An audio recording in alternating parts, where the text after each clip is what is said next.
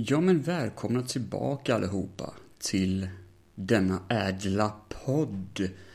Uh, nu vet jag att förra avsnittet var lite väl deppigt i och med att jag fick snacka en hel del om hur jag påverkades av Corona. Och det var ett deppigt avsnitt, jag håller med om det. Det kanske var ett väl jobbigt. Jag märkte det när jag satt och redigerade att oj, det här blir lite väl mörkt kanske, men uh, det var också lite skönt med att kunna få ut det ur systemet. Så jag kände att det var behövligt, för det är jobbiga tider nu och det kan vara ganska gött att prata ut sig.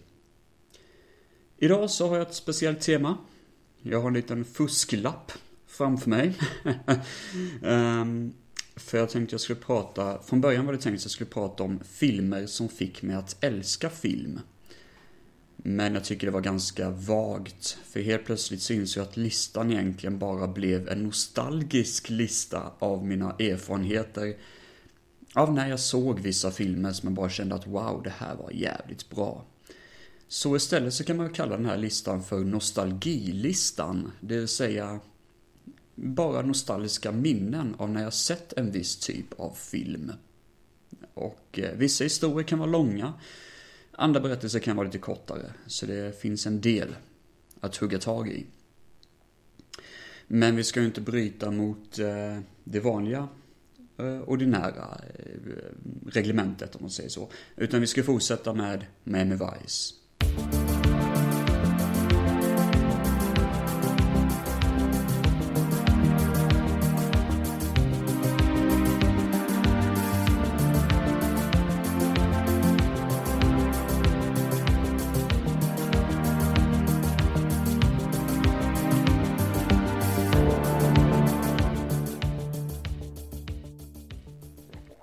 Sitter och dricker lite vatten under tiden.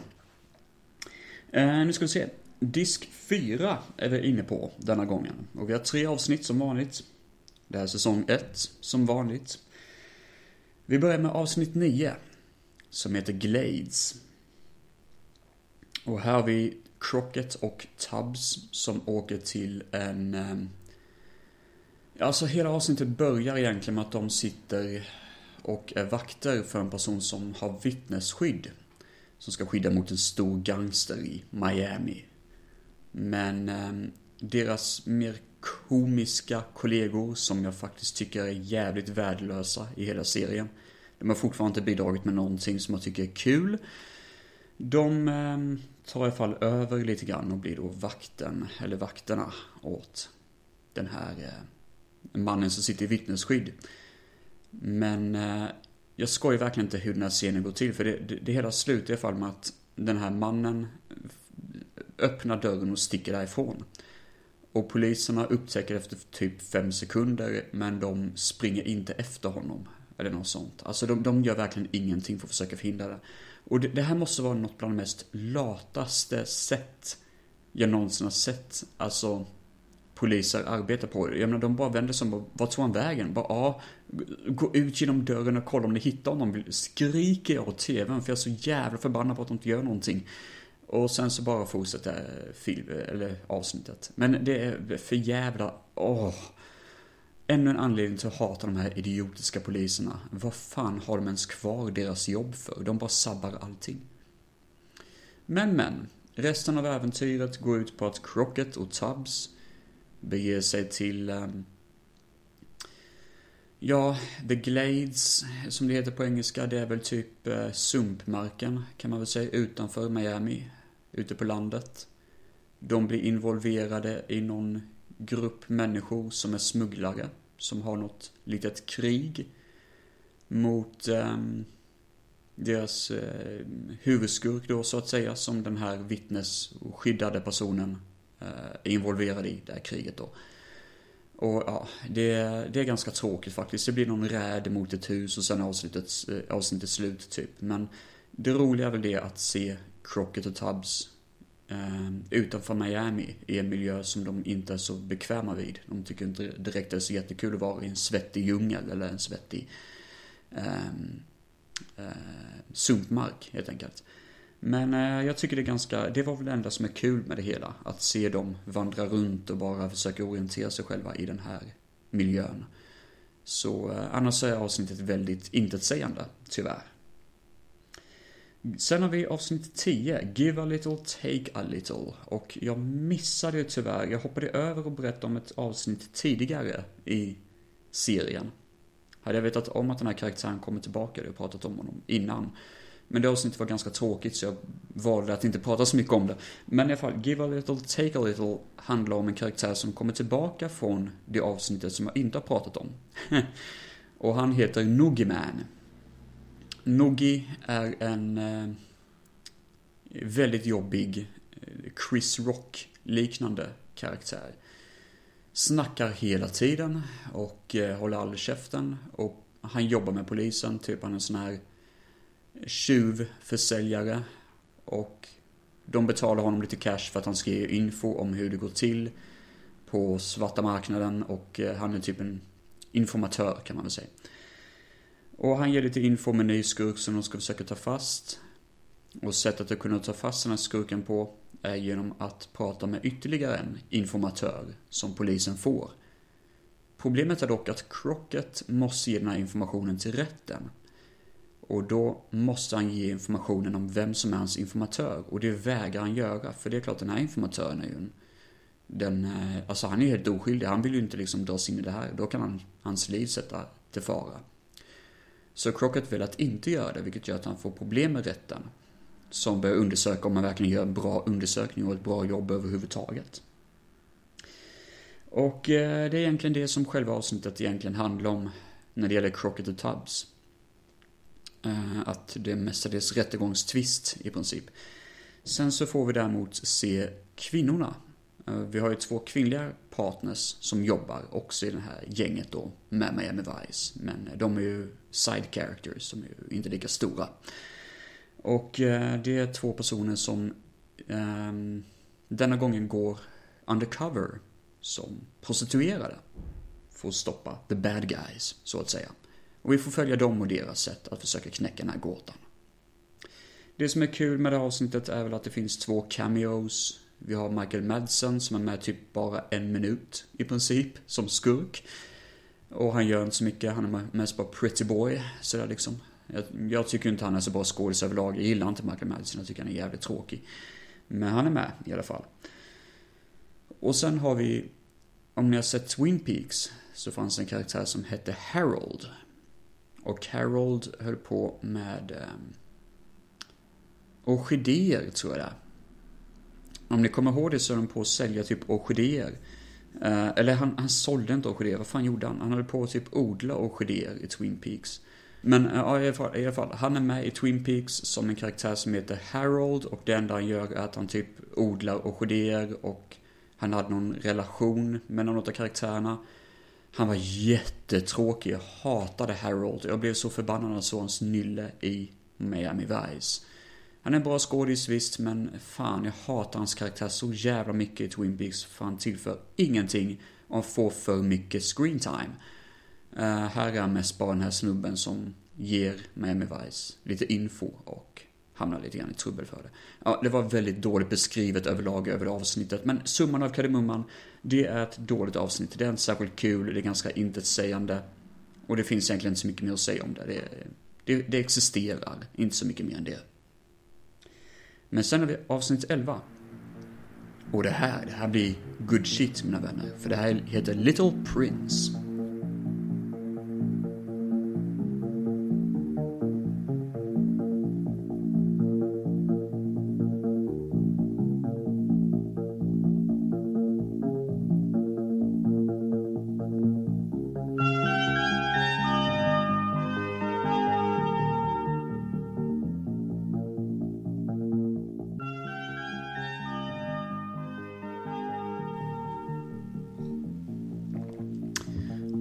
Little Prince börjar väldigt intensivt. Det börjar med att Crockett och Tubbs försöker hitta en drogdeal som håller på att hända i en lägenhet. Och det är de här två tjejerna som jag pratade om innan. Som var med i förra avsnittet. Som hjälper till att knäcka den här drogdealen. Helt enkelt. Men eh, de har infiltrerat det här rummet då, tjejerna. Och Crockett och Tubbs vet inte var de tog vägen någonstans. Så det blir väldigt intensivt. Bara själva introt är typ liksom bara fyra minuter om ens det. Är det, det är nog fan inte, tre minuter kanske. Och sånt.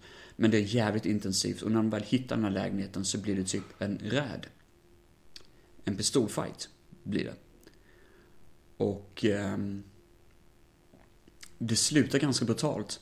För att eh, det slutar med att eh, en snubbe kastar sig ut genom ett fönster. Och då tänker man, eller tänker Crockett att ja men det fanns säkert någon sån här eh, flyktväg. Men så kollar han ut genom fönstret bara, nej, det gjorde det inte. Och man bara, åh jävlar, så han bara, han bara hoppar ut mot sin egen död i så fall. Måste han gjort. Jävlar. Så så börjar avsnittet. Det är skitintensivt och vi har också musiken um, Relax. Skitbra. Uh, faktiskt, det, det passar jävligt bra med det här intensiva introt. Resten av avsnittet är ganska lugnt, fast på ett gött sätt.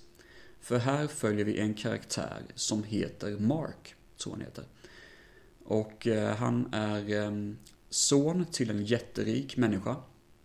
Han har blivit ertappad med droger och skit och eh, hamnar lite grann i trubbel för det. Men med hjälp av en advokat så kommer han undan väldigt snabbt. Och eh, Crockett och Tubbs försöker undersöka den här familjen typ. Men det är ganska uppenbart att familjen håller på med shady business. Men det intressanta är det att titeln antyder då på Little Prince, själva prinsen då. Men det intressanta är det att den här Mark, som då är huvudrollen om man säger så i princip. Han är verkligen inte en jobbig karaktär. Han är faktiskt tvärtom. Man bryr sig verkligen om honom. Han har drogproblem på grund av att hans familj håller på med droger. Han vill inte vara involverad i det, han vill bara bort därifrån. Han fattar ju själv inte riktigt att det är kriminalitet de håller på med. Och det är så sad, egentligen. Det är jätteledsamt. För han är en jättebra skådespelare, han som spelar Mark. Och man bryr sig verkligen genuint om honom, om man vill att saker ska sluta gott för honom. Men, eh, ja, det, det, det är faktiskt hjärtskärande att se han i princip brytas ner mer och mer när han inser att hans familj i princip håller på med kriminalitet. Det är jättehårt. Jättehårt avsnitt. Little Prince är nog faktiskt en av de bästa i säsong 1, för det handlar så mycket om drama och det är välutformat. Och drama är en, en av de bästa sakerna med, med, Miami Vice, att de är väldigt bra på att fånga dramat och Ehm, det tragiska, den tragiska sidan av eh, drogmissbruk. Sen är det inte så mycket action. Actionscenen kom egentligen bara i introt av serien, eller av avsnittet. Men det är också det som är så skönt. Ibland behöver det inte vara våld hela tiden. Utan det räcker med att ha det där eh, jordnära också. Och det är där det här avsnittet verkligen fungerar. Så det var en ganska dålig summering kanske denna gången av Miami Vice. Men nästa gång så kör vi tre nya avsnitt. Men idag kör vi, nu kör vi huvudtemat. Och det handlar om nostalgi på film. Jag har faktiskt ingen aning hur jag ska börja med det här avsnittet. Eh, för det blir väldigt komplicerat detta. Eh, I och med att jag faktiskt inte har någon aning vilken eh, ordning jag kommer ta. Så jag sitter med papper och penna och så får jag bara bocka av helt enkelt. Det som jag snackar om för er. Så eh, vi kan väl börja lite lätt med TV-kanalen kanal 6. sexan följer jag väldigt mycket på TV. Nu följer, alltså kollar jag på TV väldigt sällan. Den jag kollar på på TV Bäst i test faktiskt. Men annars så kollar jag aldrig på TV längre. Men, och det här minns jag för jag har pratat med några om det här tidigare. Att Kanal 6 brukade visa rätt coola filmer till en början. Och innan jag såg filmerna av John Woo, som är en asiatisk actionfilmregissör, så hade jag faktiskt, jag hade aldrig sett, jag, jag hade kanske sett eh, Face-Off, men det var väl allt i så fall. Men jag hade aldrig sett John Woo innan. Och jag minns så tydligt att när jag började kolla på den här kanalen så fanns det en reklamfilm. Där någon hade klippt ihop John Woos actionfilmer, de asiatiska actionfilmerna, med någon jävla låt som jag glömmer bort just nu. Um, det är en väldigt känd låt, en sån här typ uh, uh, Vietnam-låt tror jag. Den är väldigt, kopplad till Vietnam väldigt mycket. Men alltså det var så coolt och välklippt. Det var en jävligt välgjord eh, trailer, om man säger så. Och jag blev hooked. Jag bara, vad är det här för någonting? Men de här filmerna gick ganska sent och jag såg dem aldrig då. Eh, det, där kan ha varit i början av gymnasiet kanske. Kanske slutet av högstadiet. Men eh, långt senare, eller senare, typ något år senare, så fick jag låna de här filmerna, John Woo-filmerna, av en kompis. Och jag var ju biten direkt. Det här var fantastiskt. Och jag älskar de filmerna än idag. Den enda jag inte fick låna var A Better Tomorrow 3, men den har jag aldrig sett och tydligen så behöver man inte se den heller. Jag tror inte ens den är gjord av John Woo faktiskt. Jag tror bara den var producerad av honom, om ens det. Men i alla fall, det här var riktigt coolt och eh, jag blev biten av det. Jag kommer också ihåg när jag så, eh, by, eh, fick låna de här filmerna för första gången. Jag hade inte sett klart Bullet in the Head, för jag tyckte inte den var så bra då. Men nu efteråt så tycker jag den är en av hans kanske mest eh, underskattade filmer. Jag såg faktiskt om den för inte så länge sedan och den är bitande, den är jättetragisk. Eh, krigsdrama i princip. Nej men i alla fall, John Woo-reklamen på TV6, den minns jag skarpt. Och eh, jag hoppas den finns ute där ute på YouTube någonstans. För eh, det var, det, det, det var fan häftigt, det var väldigt välgjort, den trailern. Så nu kan vi bocka av den, helt enkelt. Sen så fanns det också någonting som jag eh, såg på TV, men det här var länge, alltså jättelänge sedan. Vi är innan jag verkligen blev biten av film, egentligen. Det fanns ett tv-program som hette Popcorn på SVT. Och fan, skiten är att det går inte att se Popcorn någonstans. Alltså, Popcorn-programmet finns inte på SVT Play. I alla fall inte vad jag vet just nu, alltså om det inte kommit ut nu på sista tiden. Men det här var i alla fall ett frågesportsprogram som Meinheimer, tror hon heter, drev med några gäster i eten. Och de skulle trycka på en knapp när de kunde svara på olika sådär filmrelaterade frågor. Och jag kommer ihåg skarpt Blade Runner. Um, när Rutger Hauer springer runt i slutet och jagar Harrison Ford så ställer han sig vid någon sån här stängsel och kör fingrarna mellan stängslet och ylar som en varg, tror jag det var. Och jag kommer ihåg så skarpt att detta var med på något vis som en fråga i Popcorn-programmet. Och det var inte bara det, det fanns många såna här frågor som jag, eh, på filmer som jag sett nu långt efteråt. Som typ Den osynliga mannen och sånt. Och jag bara, alltså man ville se om det där programmet igen för det var så jävla mysigt. Jättekul program. Och det var lite läskigt också för jag tyckte de visade lite sådana här konstiga filmer som jag inte hade sett innan.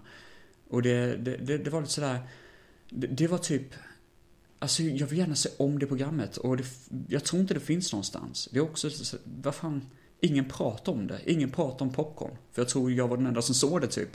Men jag minns det skarpt och om någon kommer ihåg eh, SVT Eh, fågelsportsprogrammet Popcorn får ni gärna, gärna höra av er. För jag vill gärna veta om det finns att se någonstans på nätet. När vi ändå är inne på TV så kan vi gå in på det här också, för det är lite småkul. Jag brukar inte se film på TV mot slutet, om man säger så. Um, för då samlade det väldigt mycket fysiskt på film och det var ganska tråkigt att se film på TV när det fanns eh, reklam emellan och sån skit. Men TV4 Film visade ganska häftiga titlar ett tag. Och jag vet att jag såg en film som hette The Brood. Och jag tror jag hade sett kanske någon David Cronenberg-film, men jag visste faktiskt inte vad The Brood var. Jag slog på The Brood och jag bara, här var detta? Jag fastnade vid det lite, lite snabbt. Och sen så var jag fast. Mest tack vare att Oliver Reed, en av skådespelarna, gör så jävla bra prestation ifrån sig. Och jag saknar lite grann den känslan av att bara slå på en film helt random och bara oj, det här är ju skitbra. Och jag visste ingenting om filmen. Och det, det, det, var underbart. Det var en sån känsla av att se The Brood på TV. Och det här, alltså ni som har sett filmen, ni vet ju om att det här är en brutal film att se. Det, särskilt i slutet, jag bara oj, undrar om någon har sett den här filmen och sagt okej, okay, vi visar den här på TV. För jag menar, det kan jag inte tänka mig. Det hade ju inte gått idag, ärligt talat. Det är brutalt. Jätteäckligt slut är det. Och jag tror det marknadsförs som typ psykologisk thriller. Och jag bara, ja, det vet jag fan. Har ni sett slutet på filmen så skulle de nog säga direkt liksom eh, hardcore alltså hardcore skräckfilm typ. Och sen på TV4 Film, jag tror det var TV4 Film i alla fall, så fanns det en rulle som jag bara slog på helt blint.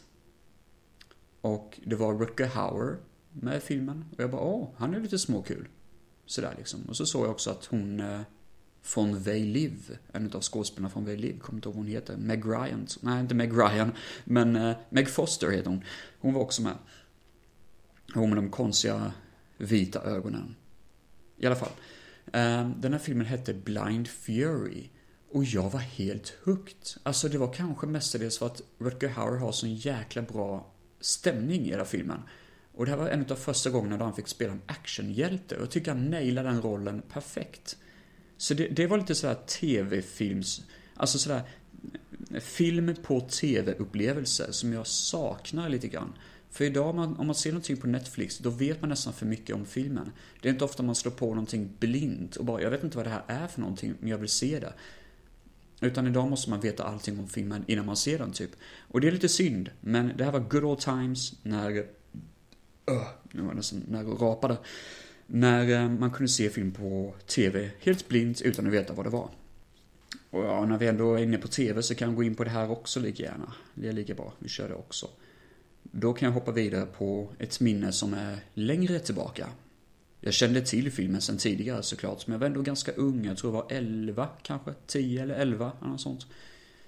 Och eh, jag satt i en... Eh, det här var sommar. TV4 körde ett maraton, för det är tre filmer. Eller var tre filmer på den här tiden i alla fall. Så de gick på TV. Jag hade varit ute och grillat med min familj och mina föräldrar då. Och likadant deras kompisar som var med. Och eh, på kvällen där så började det komma lite myggor och så, men det var ändå varmt och gott ute och de ville sitta ute resten av kvällen typ. Så jag gick in i lägen, eller lägenheten, så här, i eh, husvagnen, för vi var på husvagnssemester. Under detta. Tror jag var i Borås, vill jag minnas faktiskt. För vi brukade vara där rätt mycket när jag var liten. Så jag faller då för gardinerna, slog på tvn. Det var en liten, liten tjock-tv. inget bra ljud eller något sånt, men eh, lite sådär. Och det var lite knastrig kvalitet, kanske inte världens bästa inställning på tvn sådär liksom. Så det var verkligen sådär knastrig eh, känsla över det. Och filmen jag skulle se var en liten film, ja, det kanske talas om den, jag vet inte. Men den heter Jurassic Park. Och jag var hooked. Jag kommer ihåg fortfarande hur gardinerna typ inte riktigt var ordentligt neddragna, utan det var en liten ljusstrimma. Ni vet den där mysiga ljusstrimman som brukar vara på tv-skärmen ibland. Och det var så gött att bara sitta där i värmen. Det var jättevarmt i den här husvagnen. Sitta där och dricka lite saft eller läsk eller vad det var för något och bara kolla på dinosaurier som i den här, för min tid då så var det typ en skräckfilm. Jag var ju jätterädd för den här filmen. Men jag tyckte den var så jävla spännande också. Så ehm, ja, det var kul. Det var väldigt, väldigt roligt faktiskt att se Jurassic Park. Eh, och jag minns det väldigt ska, eh, alltså starkt. Sen ska jag väl säga att visst, jag hade väl en period där jag tyckte om dinosaurier och så, men jag, jag memorerade dem inte sådär jättebra. Eh, jag snackade lite grann med några kompisar som älskar Jurassic Park och de kan ju allt om alla, liksom sådär vad ska man säga, Marcus kan ju allting om eh, typ dinosaurier och fågeldjur och allt möjligt liksom. Han kan allt sånt. Jag är helt nollställd på det. Men de tycker fortfarande om det idag, tack vare den här magiska filmen Jurassic Park. Eh, det var lite småkul faktiskt. Och eh, sen kan jag gå in lite grann på skolperioden faktiskt. Det är ingenting man vill prata om kanske, men det är lika bra att göra det ändå. För jag gick i gymnasiet hade sett en hel del film, gick TV-filmproduktion på gymnasiet. Så eh, då har man lärt sig väldigt mycket om hur varje film i princip var gjord. Och alla regler och allt möjligt. Och jag tänkte lite grann att det är ju rätt tråkigt att alla följer samma regler, att alla följer samma sak. Och då tänkte jag att det betyder att alla filmer i princip är samma, typ. Men så gick jag filmutbildningsgrej eh, vid sidan om då. En liten kurs de hade vid sidan om. Och eh, han som var vår lärare, som även var vår lärare i tv-filmproduktion, han eh, berättade då lite lätt om eh, lite olika berättande och sådär, lite olika filmer och så. Det var ganska mycket udda saker vi fick se, så det var kul. Men så fick vi se en film av en herre som jag aldrig hade, jag hade hört talas om honom, men jag visste inte vem han var. David Lynch. Det pratades lite lätt innan vi såg filmen om Twin Peaks, det pratades lite lätt om Dune, lite grann om Elefantmannen och lite grann om hans mer normala film eh, som jag faktiskt inte har sett ännu, The Straight Story. Och jag tror även det pratades en del om, eh, fan ett Eraserhead var det. Men filmen vi fick se var Blue Velvet. Now it's dark. Are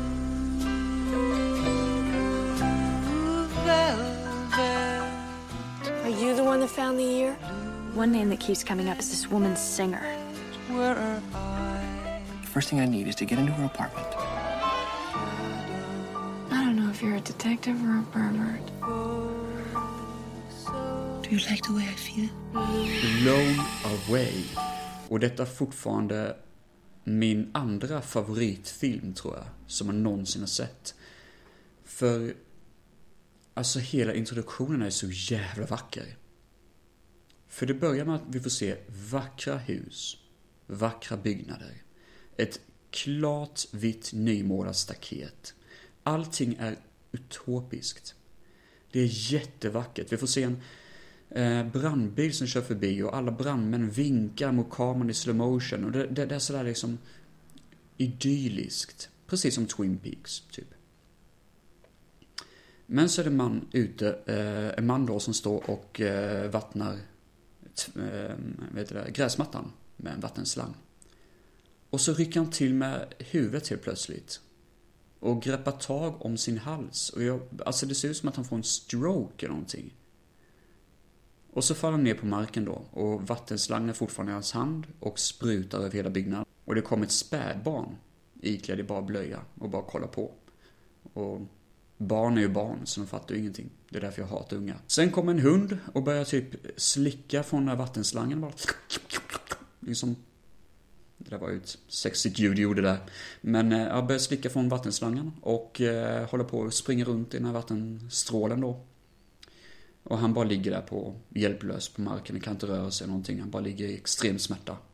Och sen gör kameramannen någonting som jag aldrig hade sett innan. Han filmar mot gräsmattan. Alltså i, liksom, som att kameran flyger in i gräsmattan. In i bland alla långa grässtrå. Och ner mot jorden. Och då får vi höra massa sån här, eh, det låter nästan som en sån här TV som har eh, Myrornas krig på. Ett brus, helt enkelt. Och där får vi se skalbaggar som kliver ovanpå varandra som att det är någon jävla massa av skalbaggar, i stort sett. Och det är ju så jävla bra symbolik för resten av filmen. För resten av filmen är samma sak, att den visar det vackra. Sen händer någonting som är lite sådär halvt obehagligt. Och sen får vi gå ner lite grann som i Alice i Underlandet, ner i den här mystiska, obehagliga känslan av okontroll och eh, kalabalik där man faktiskt inte riktigt vet hur man ska överleva den situationen. Så är ju hela filmen typ i princip. Och ja jävlar, jag var hooked. Jag, jag var verkligen liksom, det här är ju skitbra. Och sen resten av filmen är pure magic. Alltså jag tycker det här är en av de absolut bästa filmerna som gjorts. Jag tycker fortfarande att det är den perfekta filmen. Visst, jag är inte så förtjust faktiskt i att se naket och sex så mycket och sånt på, på film. Det är inte riktigt min grej faktiskt. Jag tycker oftast att eh, sexscener, det, det pågår för länge och det känns forcerat typ liksom. Det, jag är inte så intresserad alls överhuvudtaget av något romantiska på film. Det, om det inte känns äkta så ska det inte vara med överhuvudtaget, tycker jag. Men i den här filmen så är det en del utav poängen att man visar relationer på fel och rätt sätt. Så det var Blue Velvet i alla fall. Eh, och den introducerade mig verkligen till det unika med film. Och jag, jag kan säga så här att Blue Velvet är faktiskt en av anledningarna till att jag håller på med film ännu idag. Så bra är den. Och när vi ändå är inne lite grann på, nu gör jag en liten segway till här, för när vi är inne på David Lynch så kan jag prata lite snabbt om Inland Empire. Det här är ingen bra film tycker jag. jag ty- eller, den är inte dålig heller, men den är inte särskilt bra heller. Den är ganska dåligt filmad, eller flummigt filmad. Den har ju en story som är halvt intressant, men inte genomförs på ett bra sätt. Jag tycker det finns andra regissörer som gjort liknande på ett bättre sätt. Men det handlar i stort sett om en kvinna som håller på att göra en teaterinspelning, eller teater, filminspelning och sånt. Och filmen går in i hennes verklighet, så hon vet inte längre vad som är verkligt och inte. Och visst fan, där får vi se Perfect Blue. Den anime-filmen, just det. Men skitsamma. Eh, Inland Empire är ganska lång och konstig, väldigt sådär mardrömsaktig. Det är nog den mest feberdrömliknande, eller en av de mest feberdrömliknande eh, av Lynch. Eh, lite grann som eh, Eraserhead. Fast Eraserhead var ångest. Det var ren laddad ångest. Eh, det här är mestadels eh, psykologisk eh, identitetskris i stort sett. Men, men. Uh, Inland Empire, jag såg den hemma. Jag var ensam hemma. Mina föräldrar var inte hemma. Jag satt nere vid eh, deras störst, större TV och de har såna här surround-system typ. Och helt plötsligt när den sjukaste grejerna dyker upp, det är ett ansikte som ser deformerat ut. Typ som en bubbla. Det är en väldigt konstig effekt faktiskt som ser jävligt nasty ut. Under denna scen så hörde jag hur åskan började smälla till det utomhus. Och det var en jävla smäll. Och jag, alltså jag fick panik. Eh, det här var faktiskt, alltså jag fick riktig panik. Jag blev fan rädd, på riktigt liksom. För det här, jag, mina föräldrar bor i ett ganska stort hus. Och att vara där ensam kunde vara lite småcreepy ibland. Och det här var verkligen skräckladdat, så jag fick ju dra ut sladden och så och vänta tills åskan hade gått. Men nej, för fan, det var, det var fan läskigt att sitta där och se den här filmen själv. Det var eh, faktiskt riktigt obehagligt. Det stod ett stort hus och det var mörkt och åska och jävla. Ja, fan, det var en obehaglig upplevelse. Så det var en liten segway in på eh, David Lynch i alla fall.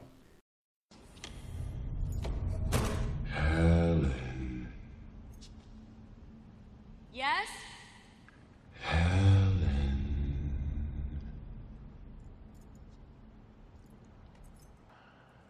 Who is that?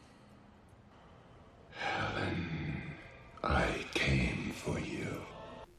Candyman. Och eh, det är inte ofta skräckfilm brukar göra så mycket impact för mig. Jag tycker skräck är underhållande, typ inte så mycket mer än det. Um, jag kommer ihåg faktiskt, kan jag segway in i det också.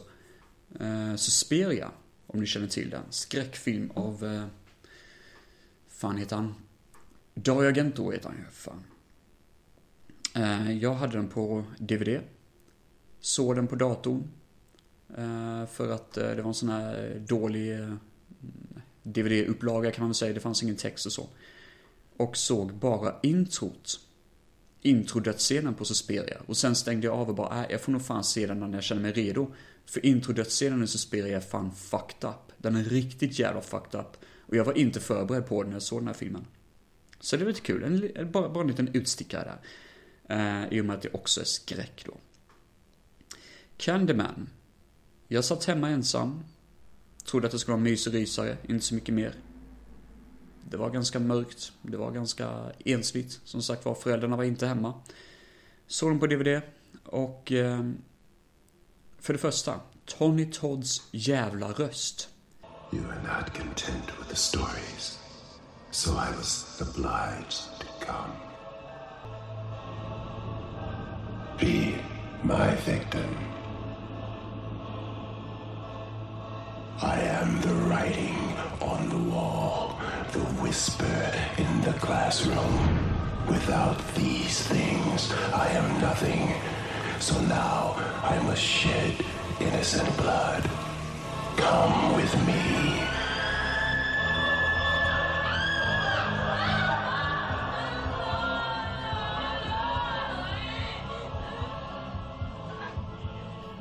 I kombination med den där riktigt hemsökande musiken från Candyman.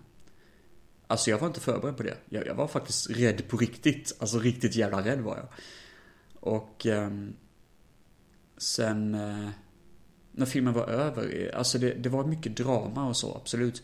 Men det var något jävligt obehagligt och domedagsliknande. Och nej fan, ja, jag var faktiskt mörkrädd på riktigt när jag hade sett den här filmen. Och som sagt var, det, det, var, det var fan ingen dålig bedrift alltså. Det var riktigt coolt, det var det. Det Candyman lyckades helt enkelt. Den, eh, fan, den gick in i hjärtat. Då kan vi väl vandra vidare till... Ja, den, den blev vi skit på. Den kan vi ta. Min favoritfilm är Blade Runner. Och under gymnasiet så pratade mina kompisar lite grann om den här filmen. Eh, lite sådär flyktigt hade de nämnt den. Och jag tänkte inte så mycket mer på det. Men en dag när vi är inne på hemmakväll så hittade jag Blade Runner. Final Cut. Ja, men fan jag köper den. Jag vet ingenting om filmen, jag köper den. Jag såg den på helgen och jag tyckte den var helt okej. Okay. Det var inte så mycket mer än så. Men sen under veckan som gick. Jag kunde inte släppa filmen. Det var som att jag bara tänkte på den väldigt mycket. Den kunde inte släppas ur mitt skalle. Alltså jag, jag bara, fan, hur kommer det sig att jag tänker på den här så mycket? Så jag såg den typ någon vecka efteråt, eller kanske till och med samma vecka, jag kommer faktiskt inte ihåg. Och jag, jag bara insåg helt plötsligt att nu fattar jag, typ. You reach down, you flip the tortoise over on its back, Leon. Do you make up these questions, Mr. Holden? Or do they write them down for you? The tortoise lays on its back, its belly baking in the hot sun, beating its legs, trying to turn itself over, but it can't. Not without your help. But you're not helping. What do you mean I'm not helping? I mean you're not helping. Why is that, Leon? Den här filmen talar till mig så jävla mycket. Det handlar ganska mycket om isolering, det handlar om ensamhet fast på ett gött sätt, typ. Eller, det, det var en dålig beskrivning av det hela, men den är extremt världsbyggande.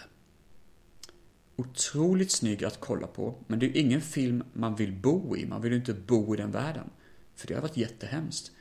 Man får se så mycket folk ute på gatan som bara pressa sig själv framåt för, för att komma fram typ. Och ingen pratar med varandra, det är bara massor. Och sen får vi se en huvudrollsinnehavare, Harrison Ford, som i stort sett inte har någon kontakt med någon annan människa förutom hans chef. Och hans glas med whisky, i princip. När den här kvinnan då, Rachel, dyker upp hos honom och öppnar upp sig för honom så försöker han på något vis kontakta sig till henne, bli en del av henne, men, eller bli någon typ av support för henne. Och hela den scenen tycker jag är så jävla vackert gjord, för han vill verkligen hjälpa henne, han vill verkligen finnas där för henne, men han kan inte. För han vet inte hur han ska göra. För han vet inte hur människor fungerar, han vet inte hur han själv fungerar. Så han gör det enda han kan när han själv känner sig deppig. Han erbjuder henne att, någonting att dricka, och han dricker ju hela tiden, vilket betyder att han är deppig hela tiden. Och det är bara, åh, den scenen. Alltså jag kan inte ens förklara varför, men varje gång man kommer fram till den scenen i Blade Runner så är det så jävla snyggt gjort. Och bara, det bara greppar tag om hjärtat och hon bara slänger fotografiet på marken och hon bara sticker därifrån och så bara kommer han ut till henne med whiskyglas och bara, nej hon har stuckit typ och så börjar han supa igen. Många människor har klagat på att Harrison Ford och hon som spelar Rachel då, att de inte har så mycket relationer, att de, de känns inte så riktigt bra tillsammans. Men det är också lite grann det som är syftet, för det handlar inte så mycket om relationer med de här karaktärerna. Det handlar om två karaktärer som inte har någon annan att vända sig till. De har bara sig själva. Det finns bara två personer, alltså, eh, som bara råkar vara i en position där de inte riktigt vet hur fan de ska hantera positionen. Och därför börjar de hångla med varandra och bli ihop, i princip. Bara för att de egentligen inte har känslor för varandra, men för att de... Det finns någon där för dem. Och det är det enda, egentligen. Och det tycker jag är så fint, det är så humant att kunna se detta. Överlag tycker jag den här filmen, jag håller med om att den är långsam. Och det är en av anledningarna till att det finns folk där ute som inte tycker om den. Pappa älskar film, exempelvis. En eh, fellow blogger. Eh, han tycker verkligen inte om den här filmen. Och uh, han hatar den verkligen. Ser det som sitt hatobjekt. Jag förstår varför. Den är en seg film. Den är inte lätt att se. Den är tung att se. Den är rätt jobbig. Och särskilt om man har typ ADHD som han har och dålig filmsmak som pappa älskar film har. För let's face it, han har dålig filmsmak. Jag menar, vad fan. Ah, ah, han, han gillar för fan dåliga skådespelare liksom. Typ Chuck Norris och sån skit. Tror jag i alla fall. Skitsamma. Um, men det här talar till mig och det, det är så mycket kärlek och känslor och emotions liksom. Som bara sprudlade in i tonåriga Robin Andersson. Som bara kände att wow, här är någonting. Här finns någonting. Det finns folk som älskar Star Wars. Och det är okej. Okay. Det finns folk som älskar Lord of the Rings och det är fan inte okej. Okay. Nej, men jag skojar bara. Det är okej. Okay. Men jag fattar inte det. Men... Ehm, och så finns det folk som älskar Blade Runner. Och Blade Runner förstår jag mer, mer på. För om folk säger att ah, fan jag älskar Blade Runner, det är en fantastisk, en av de bästa filmerna som finns. Då förstår jag lite mer vem personen är. Då förstår jag lite mer, ah, du är en sån person. Typ. Och det, det, det är connection. Alltså jag kan inte förklara det, det är connection. Fan, eh, det kanske låter väldigt flummigt, men det är i alla fall min eh, liksom tolkning av att älska en film så jävla mycket. Så man kan inte ens beskriva varför. Det är er fan kärlek på hög nivå. Richard Chance is a federal agent who will cross the line if he has to. U.S. Secret Service. I told you I don't have it. Get it. Rick Masters is a counterfeiter who killed Chance's partner. The director of The French Connection is back on the street again. To live and die in L.A. To live and die in L.A. Det här, mina damer och herrar, är en cool film. Eh, det är en Arrow-utgåva som jag äger. Och det var sommar när jag såg den. Eller tidig sommar.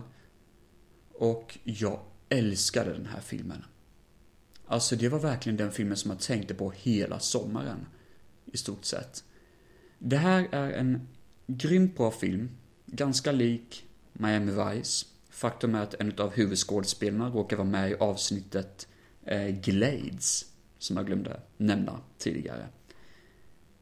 Men i alla fall, To Live and Die in LA är en film som greppade tag om mig, musiken greppade tag om mig och jag kände bara Fan, vilket moment jag hade när jag såg den filmen. Jag var verkligen inne för det. Och det är mycket twister och sådär som uppkommer mot slutet som jag bara va? Fan vad coolt. Och jag introducerade den här filmen för lite kompisar. Och ehm, ja, än så länge så har den fått väldigt bra respons av de flesta. Det är många som tycker om den. Det är lite av en kultfilm idag. Den gjorde utav honom, han som gjorde Exorcisten. Kan vara bra att tillägga. Två filmer kvar på temat. De har en sak gemensamt för de utspelar sig när jag fyllde år. Vi börjar 2015 tror jag det var. Eller 16 kanske, något sånt. Jag hade två kompisar på besök. De höll på att göra en långfilm. Jag bodde hemma hos föräldrarna då. Och eh, de spelade in lite scener. Och det var nice, det var kul. Sen så bjöd de mig på lite käk. Bara för att eh, jag fyllde år. Helt enkelt. Och det var nice. Det var gött som fan faktiskt. Asiatiskt. Minns jag. Och sen den kvällen. Det var varmt ute. Jag drog för persiennerna i mitt rum där jag satt och ugglade. Och eh, slog på min laptop. Slog på en eh, film som jag hade haft i min samling ett tag men aldrig hade haft chansen att se. Och det var första gången jag såg Hardware. Och intromusiken när jag kom på menyn. Alltså det sa till mig direkt att det här kommer du fan tycka om.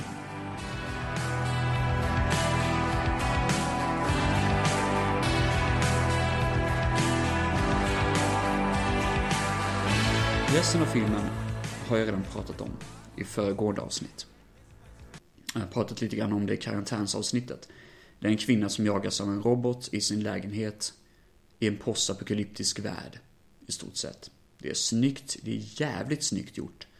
Och det är lite grann som en musikvideo. Faktum är att regissören gjorde en del musikvideos innan han gjorde Hardware. Men i alla fall, det var en jävla mysig film att se när man fyllde år. Och det var sånt där moment, som jag kallar det för. När man har ett ögonblick i livet som bara talar till en. Man vet inte varför, men det finns där. Det finns många sådana moments i livet, och det är kul. En annan film som jag såg när jag fyllde år um, några år senare då. Det var The Good, The Bad, The Ugly. Och jag fick låna den på DVD har jag för mig. Och det var den första filmen jag såg på min Blu-ray-spelare. som jag hade införskaffat då, som tyvärr är sönder nu. Men eh, det var kul i alla fall. Det var gött att se The Good, The Bad, The Ugly. Det var en favoritfilm och jag har den just nu på Blu-ray. Faktiskt. Jag är faktiskt sugen på att se om den. Det kanske blir nästa gång, alltså nästa vecka, när man fyller år, vem vet? Eh, I alla fall, det var ett nice minne. Eh, så, det har varit väldigt spridda skurar gällande vilka filmer jag pratat om. Och gällande vilka relationer det har varit till mig som människa. Ehm, jag vill bara säga lite snabbt att det har varit jättekul att få göra den här podden. Jag tycker det har varit jävligt roligt att få prata med er. Även om det är väldigt dåligt upplagt och väldigt flummigt gjort så tycker jag det är väldigt roligt att få redigera det här och klippa ihop det här för det, det, det tar verkligen inte så lång tid som jag trodde det skulle göra utan det är ganska lätt att slänga upp. Um, ni hittar Filmfett på sociala medier, Filmfett, plus bloggen, filmfett.se. Och ni hittar ju även Solitude Films, där jag gör lite filmproduktion och sådär, lågbudget filmproduktion, både på YouTube och på Facebook. Ehm, som det ser ut just nu så kommer jag nog faktiskt börja slänga ut lite avsnitt på podden. Um, men det har jag ju redan börjat göra när ni lyssnar på det här, självklart. Men eh, om ni har lite tips och lite råd och lite sådär så är det bara att höra av er. Och eh, ha det bäst och ta hand om er, mina vänner. Hejdå! A candy-colored clown they call the Sandman tiptoes to my room every night just to sprinkle stardust and to whisper, "Go to sleep, everything is all right." I close my eyes, then I drift